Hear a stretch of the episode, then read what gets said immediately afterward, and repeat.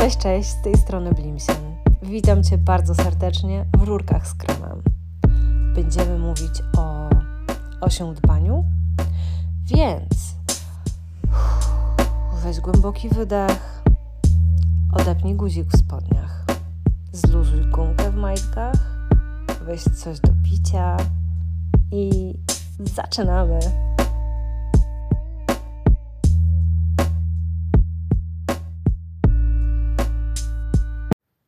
Cześć, dzień dobry. Dziś będziemy kontynuować temat um, pasji. E, ostatnio opowiadałam Wam o tym, jak do hobby podchodzi um, perfekcjonistyczna Pita i e, co robić i jak oceniać um, ciągłą potrzebę zmiany pasji i inwestowania w kolejne i kolejne zainteresowania w przypadku osób typu Wata. E, to był taki ajurwedyjski odcinek, a dzisiaj nie będzie ajurwedyjski. Dzisiaj e, będziemy rozmawiać o pasji w ujęciu mm, zamiany pasji na pracę i być może pogadamy też trochę o kulturze zapierdolu. No dobra, to czas start. Mm, chciałam opowiedzieć Wam swoją historię, ale też zależy mi na tym, żeby zderomantyzować, odromantyzować temat pasjo pracy. Ja, co prawda, nie wyobrażam sobie wykonywać pracy, która mnie nie interesuje, i nie jest to ani żadna blaga, ani też e, przechwałka, ponieważ uważam, że to jest dosyć duży mankament móc wykonywać tylko takie zawody, w których e, mogę być kreatywna, bo w przypadku sytuacji życiowej, w której musiałabym podjąć bardzo powtarzalną pracę, która na przykład podległa ścisłym procedurom, prawdopodobnie zupełnie bym się w niej nie sprawdzała. I pamiętam, że jako bardzo młoda osoba miałam duży problem z tymi pierwszymi um, pracami, które na tym polegały. I o wiele łatwiej niż dostać tego typu pracę było mi założyć własną pierwszą firmę w wieku, zdaje się, 19 lub 18 lat. A, tak, i zarabiać e, w tej pracy całkiem niezłe pieniądze, zupełnie nie rozumiejąc, co robię, na czym polega prowadzenie biznesu i finalnie mm, rozpadając się e, przy dużej ilości życiowych zmian, dużym ZUSie i tak dalej, i tak. No ale nie o tym jest ten odcinek. E, ten odcinek jest o tym, jak dużym kłamstwem, moim zdaniem, jesteśmy karmieni, kiedy mówi się nam, że jeżeli będziemy robić w życiu to, co kochamy, mm, to nie przepracujemy ani dnia. To jest taka sugestia, to jest dziwna sugestia. To sprawia wrażenie, jakby um, wykonywanie zawodu, który nam się podoba i nas pasjonuje, albo w ogóle dokonywanie jakiegoś wyboru, niech to będzie nawet praca taka rodzicielska, czy bycie w relacji, um, sprawiało, że nie będziemy zmęczeni lub zmęczone tą wykonywaną pracą. Moim zdaniem to jest nieprawda. Um, zawsze każdej rzeczy, którą robimy, jest jakaś określona dynamika. My mamy lepsze momenty, gorsze momenty dochodzimy do e, takich momentów stagnacji albo takich, kiedy trzeba przekroczyć jakąś strefę komfortu, pracować z przekonaniami, zdobyć nowe umiejętności, nieważne czy zawodowe, czy interpersonalne. Mm, I tak, możemy być tym utyrane i zmęczone, więc to hasło, że jeżeli tylko znajdziemy coś, co kochamy robić, to wtedy po prostu nie przypracujemy ani dnia, jest moim zdaniem szkodliwe. Myślę też, że obecnie, przynajmniej w tej bańce mm, internetowej, w której ja przebywam, panuje takie przekonanie, że swój biznes jest błogosławieństwem um, i że właśnie jeżeli w czymś jesteśmy dobre i to kochamy, jeżeli czujemy do tego pociąg i mamy do tego serce, to koniecznie powinnyśmy to mm, zmonetyzować. Ja się z tym podejściem zupełnie nie zgadzam. O swojej historii jeszcze Ci opowiem w tym odcinku Rurek z kremem, e, ale najpierw chciałabym w ogóle rozbroić trochę ten temat, mm, czym moim zdaniem jest praca, a czym jest pasja i czym się różnią, nawet wtedy, kiedy praca jest związana z obszarem naszych zainteresowań, bo ja wcześniej pracowałam jako projektantka ubioru, bardzo lubiłam swoją pracę i czułam, że się w niej spełniam. W pewnym momencie w niej się wypaliłam. Myślę, że ona też po kilku latach stała się bardzo powtarzalna wbrew pozorom, ale tu kolejnym mitem jest to, że to była praca niesłychanie twórcza, bo, bo praca to praca, a twórczość to twórczość. No właśnie, więc pomówmy chwilę o tych różnicach. Kiedy ja mam hobby, kiedy ja coś mnie pasjonuje i kocham coś robić, to trochę dlatego, że jestem wtedy w moim super flow, e, w bezczasie, kiedy ja nie czuję mijających minut i jestem zaangażowana na 100%. E, mogłybyśmy to też nazwać być może weną, jeżeli chodzi o pisanie, czy rysowanie, czy tworzenie, nie wiem, pomysłów, na przykład na kursy. I to jest świetne, ale w przypadku pasji Robię to wtedy, kiedy ta wena do mnie przychodzi, kiedy mam na to ochotę. Nikt nie trzyma mi pistoletu przy głowie. Jestem zobowiązana ewentualnie tylko y, sama wobec siebie lekcjami rysunku. Akurat ja na nie, nie chodzę, ale przyszło mi to do głowy. Albo, nie wiem, treningami, bo tak, no, możemy mieć pasję i chcieć w niej progresować i być coraz lepsze i zdobywać nowe umiejętności. I to wszystko jest prawda można traktować swoją pasję bardzo serio, ale jednocześnie po pasji spodziewamy się, że ona będzie przynosić nam ulgę, będzie nas odżywiać, będzie dawać nam radość. Niekoniecznie, że my będziemy się do niej zmuszać, że tam będzie jakaś żelazna dyscyplina, bo przecież nie mówimy o tym, że mm, próbujemy trenować do zawodów Oczywiście można mieć pasję związaną z na przykład bieganiem i chcieć przebiec maraton, ale o tym opowiadałam trochę w tej poprzedniej, w poprzednim odcinku. O tym, jak niezbyt dobrze jest y, zbyt mocno na siebie, moim zdaniem, naciskać w kontekście pasji. Um, w przypadku pracy, nawet kiedy praca nas pasjonuje, jest zupełnie inaczej. Po pierwsze, praca jest obwarowana strukturą i nie ma od tego ucieczki. I można kochać temat przewodni swojego biznesu, mm, albo swojego, swojej pracy na etacie, ale i tak zawsze jest coś, czego nie lubimy dookoła tej pracy. W mojej obecnej pracy są to rzeczy administracyjno-księgowo-podatkowe. E, czuję wtedy, jakby ktoś mówił do mnie po chińsku a jednocześnie nie mogę po prostu olać ZUS-u e, czy Urzędu Skarbowego, nie pilnować terminów, czy zupełnie mieć w nosie obowiązujące prawo, e, które nieustannie się zmienia i mimo, że jest to zupełnie sprzeczne z moimi predyspozycjami, muszę wydawać na to dużo pieniędzy, mm, by pomagali mi specjaliści i muszę po prostu się stosować do tych norm. Jednocześnie, kiedy byłam na moim bardzo twórczym e, etacie, wydawałoby się, to dużą częścią mojej pracy były e, spotkania, słuchanie o raportach sprzedażowych, cała masa nudnych rzeczy tego typu, a jednocześnie bardzo dużo papierologii związanej stricte z projektami w stylu wpisywanie numerów guzika, że to jest guzik 3.5528 w kolorze takim i takim, mm, w rozmiarze takim i takim, producenta takiego i takiego. I wypełnianie tych tabelek, gdzie mi mocno roztrzepanej osobie bardzo łatwo przychodziło walnąć się w jednej cyfrze, co zmieniało wszystko, e, było dużą częścią. Tak samo jak dużą częścią było mm, odpisywanie na maile tego projektowania, tworzenia, oglądania trendów, pokazów, paradoksalnie w tej pracy było wcale nie tak dużo. Dużo więcej e, czasu zajmowała właśnie papierologia mm, i rzeczy bardziej odtwórcze lub techniczne niż e, związane z wyobraźnią i tworzeniem.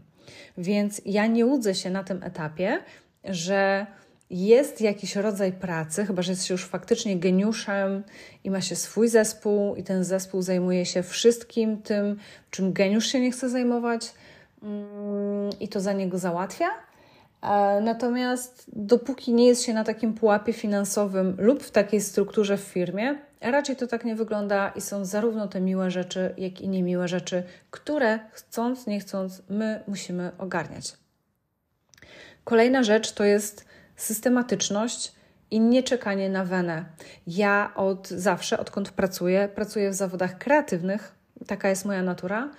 I o ile mogę czekać na wenę, kiedy chcę namalować akwarelkę lub napisać opowiadanie, albo popisać sobie e, swoje impresje w dzienniku, mm, to mogę na nią czekać.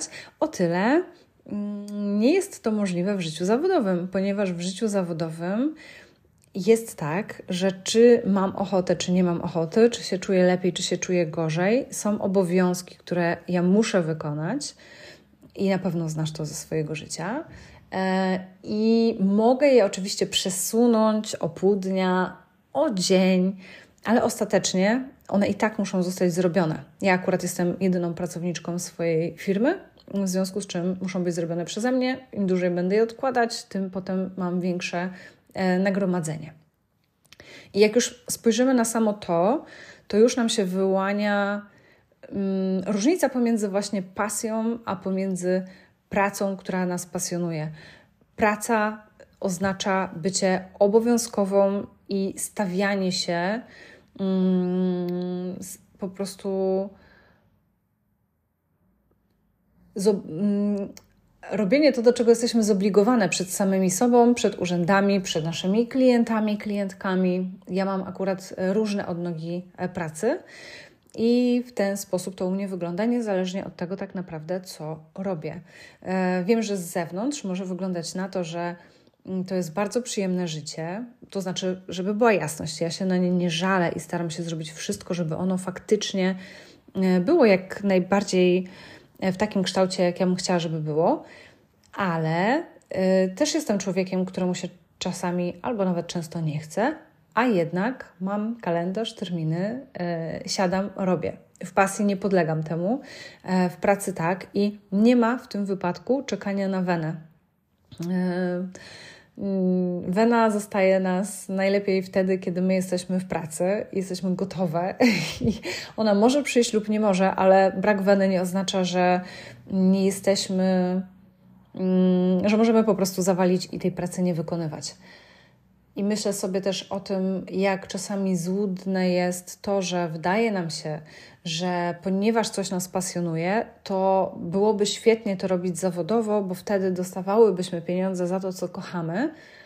Ale jest bardzo duża różnica, widzę to po znajomych nauczycielkach jogi na przykład, e, pomiędzy mm, swoim praktykowaniem jogi i leżeniu na przykład w siawasanie, którą prowadzi ktoś inny lub e, którą sobie robimy w domu, a zupełnie mm, czym innym jest e, ćwiczenie z ludźmi, bo wtedy praktycznie podczas zajęć się nie ćwiczy. Wchodzi się na chwilę w asanę, by ją pokazać, ale potem chodzi się, poprawia się ludzi, patrzy się, czy oni dobrze wykonują e, swoją praktykę, mm, daje się im dodatkowe wskazówki i tak naprawdę jest się cały czas skupionym nie na sobie i na swojej praktyce, tylko na tych osobach, które praktykują. A jeśli marzy się o własnym studio jogi, to okazuje się, że e, jest o wiele więcej e, tej właśnie papierologii związanej z posiadaniem lokalu, e, z marketingiem, z umowami dla nauczycieli jogi, których się zatrudnia, niż stricte z samym nauczaniem czy samym praktykowaniem. To jest dobre powiedzenie, że szef bez butów chodzi, bo bardzo często jest tak, mm, że trudno jest nam wtedy wygospodarować ten czas na praktykę własną. Ja też to widzę na przykład w kobiecych kręgach.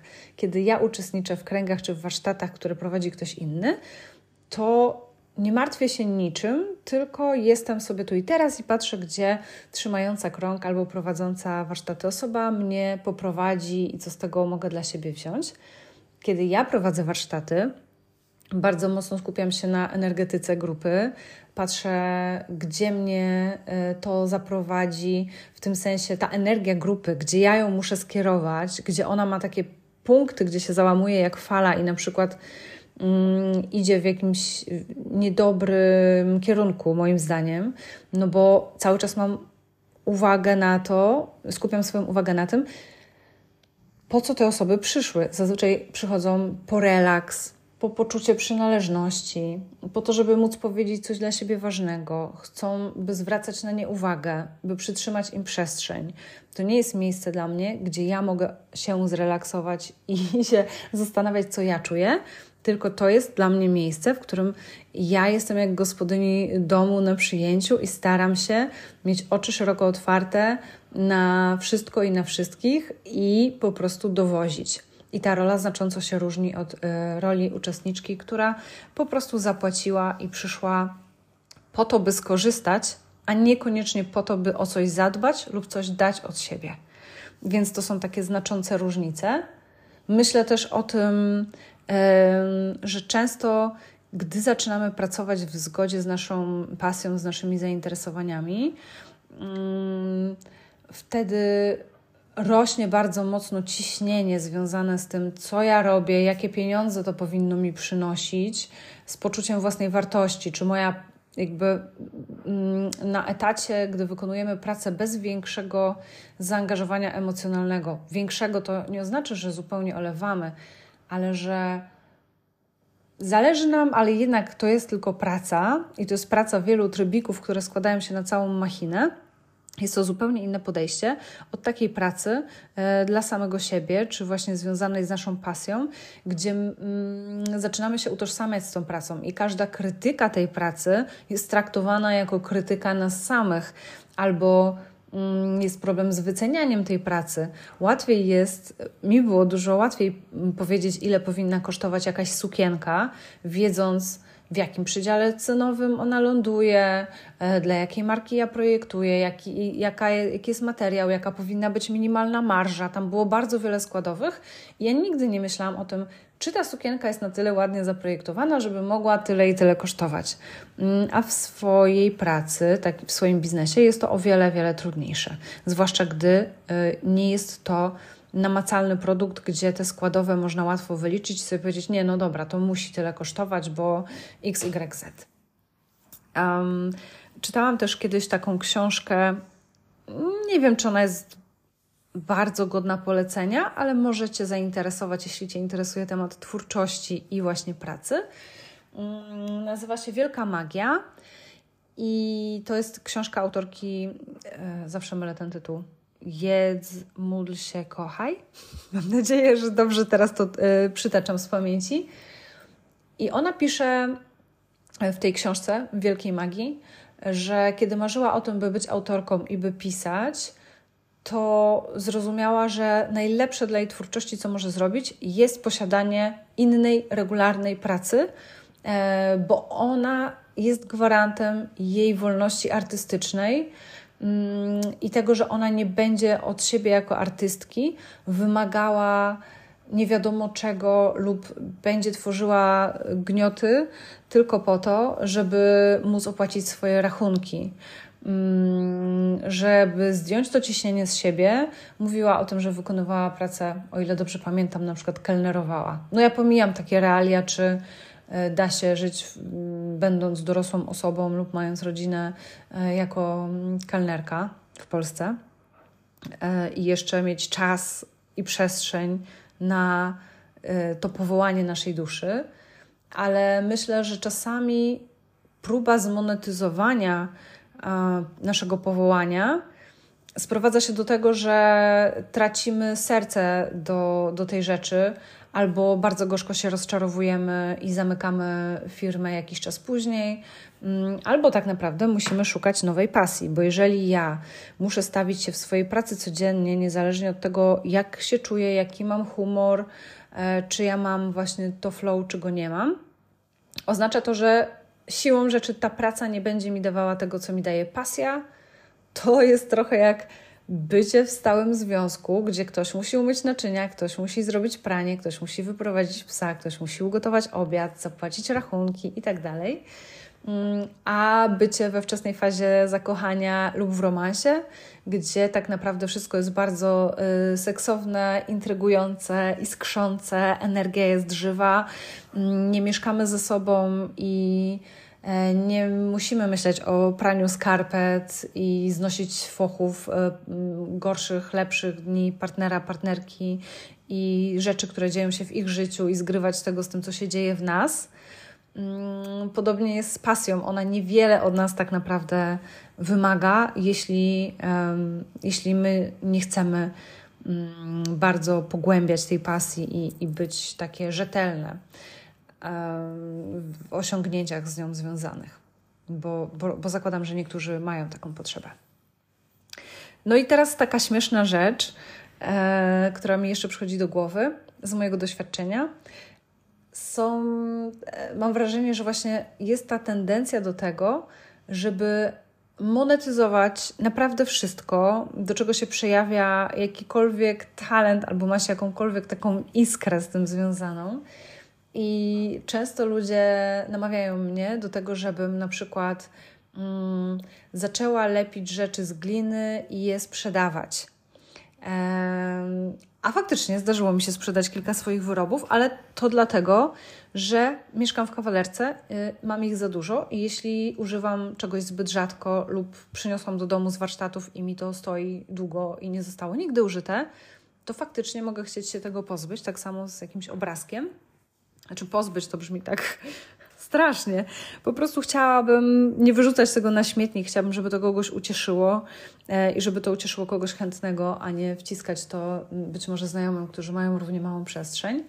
Mm, ale nie wyobrażam sobie sprzedawania swoich obrazków e, albo wyrobów glinianych w sklepie na Etsy czy w jakimś swoim właśnie side biznesie dlatego że ja to robię wtedy, kiedy mam ochotę, wtedy, kiedy mi się chce, wtedy, kiedy mam przestrzeń czasową, e, nie mam w związku z tym żadnych zobowiązań.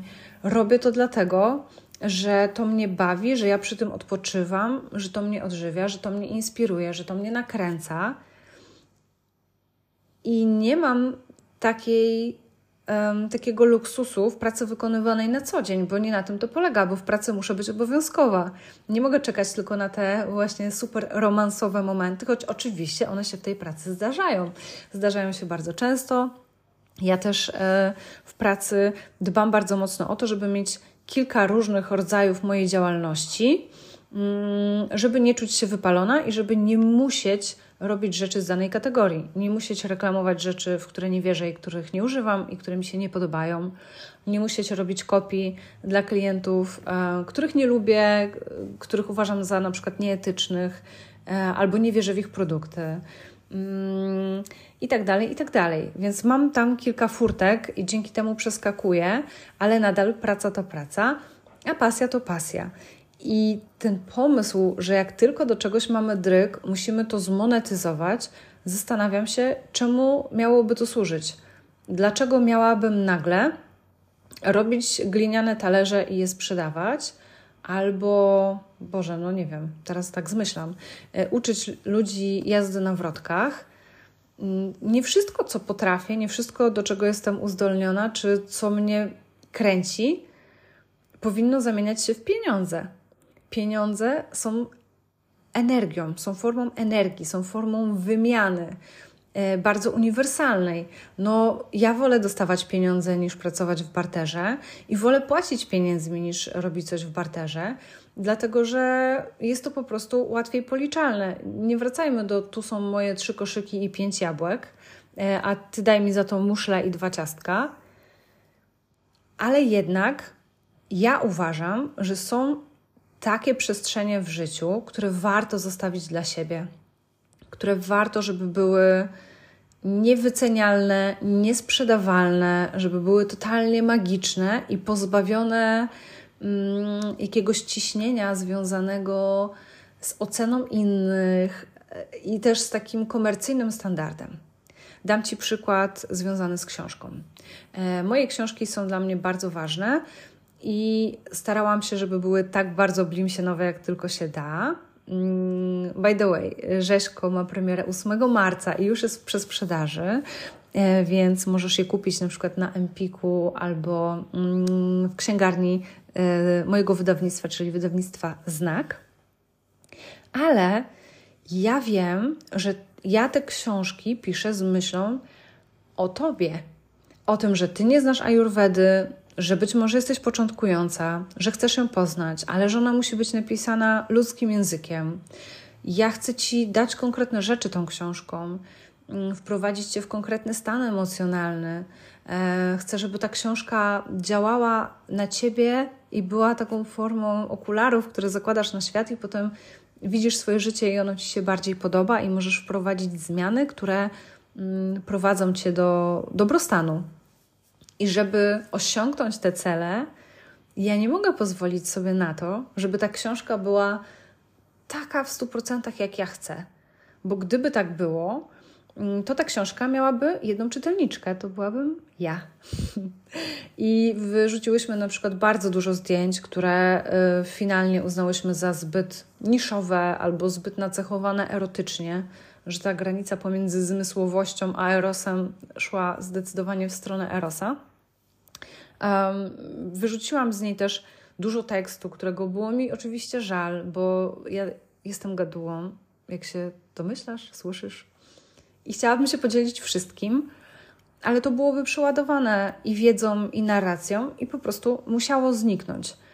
Mm, żeby książka mogła odnieść sukces komercyjny, żeby mogła dotrzeć do jak największej ilości ludzi, żeby jak największa ilość ludzi mogła z niej skorzystać. Ja mam doświadczenie w tworzeniu komercyjnym, E, na przykład ubrań albo tekstów dla innych i potrafię zrozumieć, że produkt marki albo mój to nie jestem ja, bo on ma służyć swojemu odbiorcy, on ma być najlepszy w możliwy sposób dla osób, które go kupią, e, produkt lub usługę, wybiorą, to ma transformować odbiorcę. To nie ma być moje głaskanie ego albo mój obrazek, e, który ja sobie narysuję i powieszę sobie w swojej kuchni i uznam, o tak, to jest ładne, to mi się podoba. A jednocześnie ta przestrzeń na to, żeby mieć właśnie rzeczy, które podobają się tylko mi, których nikt nie oceni, e, które Nieważne, czy ja jestem w tym dobra, czy zła, dopóki mnie to cieszy. Nieważne, czy to się sprzeda za 15, 20 e, złotych, czy 200 tysięcy. To nie ma znaczenia, bo ja nie robię tego po to, by zarobić na życie, by komuś coś zaoferować. Ja to robię po to, by uhonorować siebie, swoją twórczą energię, mm, by zrobić coś na przykład nie znając zasad. Ja zawsze mówiłam, że nie chcę zamieniać pisania w pracę, co jak widzisz e, i tak się wydarzyło w moim życiu i teraz jestem z tego zadowolona. Ale ja bardzo nie chciałam zamieniać pisania w pracę, bo ja pisałam intuicyjnie w mega flow i wiedziałam, że jak zacznę um, uczyć się zasad redakcji, pisania, nagłówków, tworzenia nagłówków, e, ja mówię z czasami um, bardzo dużymi skrótami myślowymi, wybacz mi to proszę,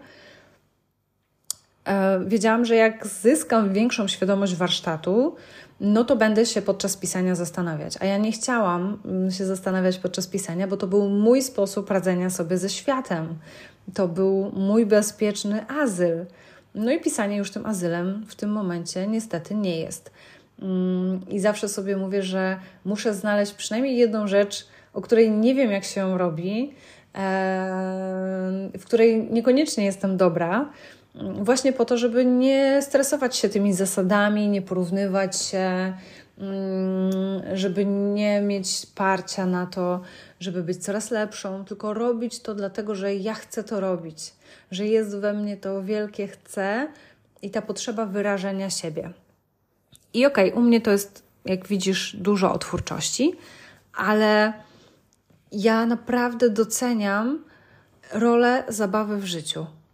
I kiedy wejdziesz na moją stronę i klikniesz sobie, myślę, że to jest zakładka osią dbanie, tam na mm, podlogo jest pasek i na tym pasku klikniesz w osią dbanie, to zobaczysz koło osią dbania. I tak, ja staram się raz do roku albo raz na pół roku mm, na tym kole sobie zaznaczać, jaki obszar, jak u mnie w danym momencie wygląda. I muszę przyznać, że od ojeny, chyba sześciu lat odkąd mieszkam w Warszawie, to pracuję z tym kołem. I mm, cóż mogę powiedzieć? Zawsze najbardziej kuleje ten kawałek z zabawą i rekreacją. Zawsze. I zawsze najłatwiej było mi obciąć zabawę, no bo najpierw obowiązki, potem przyjemności i tak dalej, i tak dalej. I ja mam 35 lat i ciągle się uczę, jak sobie pozwolić na zabawę i jak bardzo zabawa jest potrzebna mm, mojej produktywności, mojemu odpoczynkowi, temu, żebym w ogóle była w stanie funkcjonować zawodowo i żebym paradoksalnie mogła wykonywać najlepiej, jak się da, swoje obowiązki zawodowe.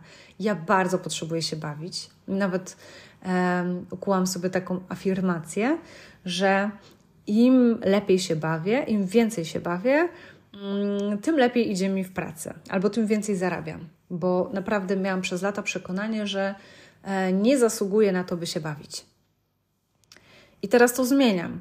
I kiedy to zmieniam, widzę, jak super istotne jest to, żeby na tą sferę zabawy mm, nie, wpływało, nie wpływały żadne nakazy, zakazy i żeby ona nie była obowiązkiem. A praca jest obowiązkiem. Polega na odpowiedzialności, na dowożeniu, e, polega na myśleniu o swoich odbiorcach, o swoich klientach.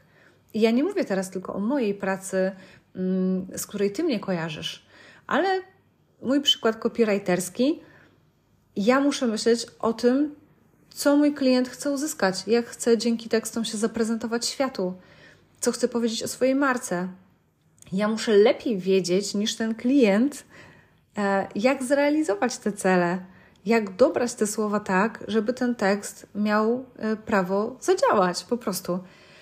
I nie wiem, w jakiej branży ty pracujesz, ale niezależnie od tego, czy tworzysz aplikację, czy jesteś psycholożką, e, czy jesteś nianią, kimkolwiek nie jesteś, to wiesz dobrze o tym, że praca jest osadzona w kontekście innych, mm, konkretnych osób i ich wymagań.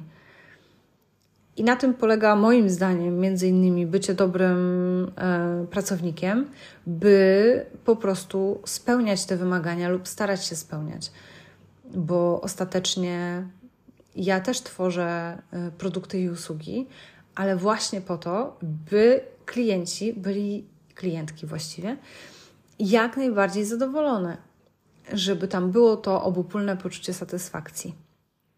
I to jest dla mnie bardzo ważne. Więc e, to był krótki podcast, e, kolejny odcinek Rurek z kremem, nieco chaotyczny, ale gdybym mogła Cię z czymś zostawić na koniec, to byłoby właśnie docenienie roli zabawy yy, i tego, że tego, tej niezmoty, niezmonetyzowanej części życia. Naprawdę przyjrzyj się temu. Ja y, dlatego bardzo mało pokazuję swoich pasji na Instagramie i w mediach społecznościowych. Nie dlatego, że ich się wstydzę, nie dlatego, że to jest tajemnica, tylko dlatego, że nie chcę, żeby ktoś oceniał mój progres i specjalnie mnie pytał o te pasje. Chcę, żeby to było moje. I jeszcze mm, w temacie zamieniania i monetyzowania rzeczy, to podzielę się z Tobą takim bardzo prywatnym kawałkiem. E, mój partner kiedyś, to było kilka lat temu, powiedział, że ja już właściwie nie mam żadnej prywatnej sfery życia, bo wszystko widać na Instagramie. Ja nie rozumiałam tego, co on mówi, bo ja nie mam takiej potrzeby prywatności. Dla mnie prywatna jest moja osobista energia. Raczej jestem samotniczką i nie lubię zbyt często spotykać się z ludźmi. Nie lubię mieć zbyt wielu osób dookoła siebie, bo nie mam tyle energii, nie mam tyle zasobów na to. I to jest dla mnie prywatność. Dla mnie prywatność to jest dotyk, jest kilka sfer, które są dla mnie super prywatne. Akurat dla mojej osoby partnerskiej e, jest jakoś inaczej. A to, że ja pokażę mieszkanie, czy co teraz e, czytam, czy co teraz gotuję, to nigdy nie stanowiło dla mnie problemu, ale zaczęłam o tym myśleć, że wszystko, co w życiu robię, w pewien sposób zamieniam na content. I robię to od tak dawna, bo od właściwie 18 lat, że zaczęłam się zastanawiać, czy ja jeszcze potrafię przeżywać rzeczy bez pokazywania ich publicznie, mm, bo nie miałam wcześniej takiej refleksji, bo moje granice prywatności leżały zupełnie gdzie indziej. I zrobiłam taki eksperyment te kilka lat temu i stopniowo wyłączałam bardzo duże obszary mojego życia mm, z Instagrama. przestałam pokazywać swoich przyjaciół, swoich znajomych, swoje życie rodzinne, e, dzieciaki, I ta strefa prywatności w ramach eksperymentu urosła. I okazało się, że to jest e, bardzo przyjemne mieć, mieć pewne rzeczy tylko dla siebie, chociaż e, nadal miewam takie momenty, że bardzo bym się chciała czymś e, podzielić, po prostu z czystej radości dzielenia się. Mm, ale to był dla mnie sprawdzian i wiele mnie to nauczyło, żeby spojrzeć na to, że inaczej być może odbieramy pewne rzeczy, kiedy one są faktycznie tylko dla naszych oczu. I ja nie mówię nawet teraz o tym, bo może nie masz e, rozwiniętych e, mediów społecznościowych i nie pokazujesz e, swojej prywatności innym ludziom, ale może zamiast przeżywać zachód słońca, pierwsze co robisz, to wyciągasz telefon, żeby zrobić zdjęcie i wysłać komuś, przyjaciółce, MMS-em albo mamie. Mm, I może zanim zdążysz o czymś pomyśleć, to to przemyślenie zamieniasz od razu w treść SMS-a i piszesz do kogoś bliskiego. I to jest taki obszar, który naprawdę warto się przyjrzeć. Jakie są rzeczy, kiedy my e, przeżywamy je tylko dla siebie i bardzo prywatnie, niezależnie od tego, czy właśnie jesteśmy na tym Insta, czy Facebooku, czy TikToku, czy gdziekolwiek, czy, czy to ma wymiar sieci społecznościowej wśród najbliższych znajomych i rodziny. Mm, czy mogę mieć hobby i robić czapki, i jak mam nadmiar, to sprzedać te czapki? Czy jednak próbuję poza etatem rozkręcać biznes z czapkami i już nie mogę patrzeć na te czapki i zaczynam mieć wyrzuty sumienia, że nie wycierkałam trzech czapek tygodniowo. Nie wiem, jak długo się to robi. Zmyślam teraz. Mm, I żeby patrzeć, czy to nam służy, czy to jest nasze, ile mamy rzeczy, które są naprawdę tylko dla nas i tylko od nas i tylko dlatego, że my mamy taką potrzebę i to nie jest ubrane w żadne ramy. I ten 20-minutowy podcast trwa już 36 minutę. Więc e, żegnam się z Tobą. Zostawiam okienko na Insta, na feedzie.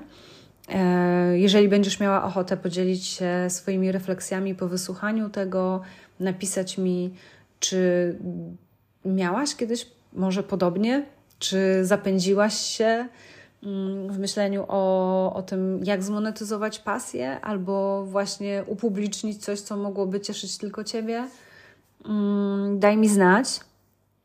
A jeśli po prostu masz zły dzień e, i myślisz o tym, żeby rzucić pracę i stworzyć agroturystykę w Bieszczadach, gdzie będziesz doić kozy, to pomyśl proszę o tym, E, pomyślę, pomyśl o pomyśle, pomyśl o tym odromantyzowaniu rzeczy i zastanów się, czy zamiast pracować w agroturystyce, nie lepiej jednak zostać na etacie i pojechać do tej agroturystyki, którą prowadzi ktoś inny, a najeść się tego sera, patrzeć na góry i mieć wszystko w nosie, zamiast skakać wokół gości. Mm, bo czasami oszukujemy się, że konkretna praca da nam konkretne uczucia, e, konkretne spełnienie, a okazuje się, że jest wręcz przeciwnie. E, potwierdzi to chyba też każdy, kto pracował w gastro i widział, co to znaczy być szefem restauracji, gdy wydaje się, że siedzisz w swojej wspaniałej knajpie i raczysz się winem z przyjaciółmi, którzy do ciebie wpadają w realu posiadanie knajpy wygląda zgoła inaczej. Jest to orka i trzeba być tam prawie cały czas e, i jest to bardzo wymagająca praca. Więc ja namawiam wszystkich do docenienia tego, co się ma. Oczywiście, jeśli chcesz sięgać po więcej, to ja kibicuję, trzymam za ciebie kciuki. Mm, ale takie przyjrzenie się temu tematowi, że może e, trawa jest faktycznie zawsze zieleńsza tam, gdzie nas nie ma za płotem sąsiada, e, a to, co jest naprawdę warto mieć, to warto mieć swoje rzeczy, na które nikt inny nie może wpłynąć, e, bo są po prostu bardzo intymne w pewnym sensie i nie podlegają wycenom, ocenom, recenzjom e, i innym ludziom. I takiej pasji Ci życzę. I pracy, która daje ci komfort i spełnienie, ale też zdrowe granice i nie jesteś w niej non-stop cały czas, 24 na dobę, 7 dni w tygodniu.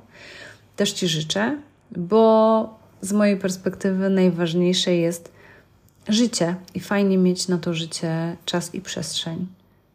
Pieniądze na to życie też mieć fajnie. Dzięki za wysłuchanie kolejnego odcinka Rurek z kremem. Było mi bardzo miło, że mnie wysłuchałaś.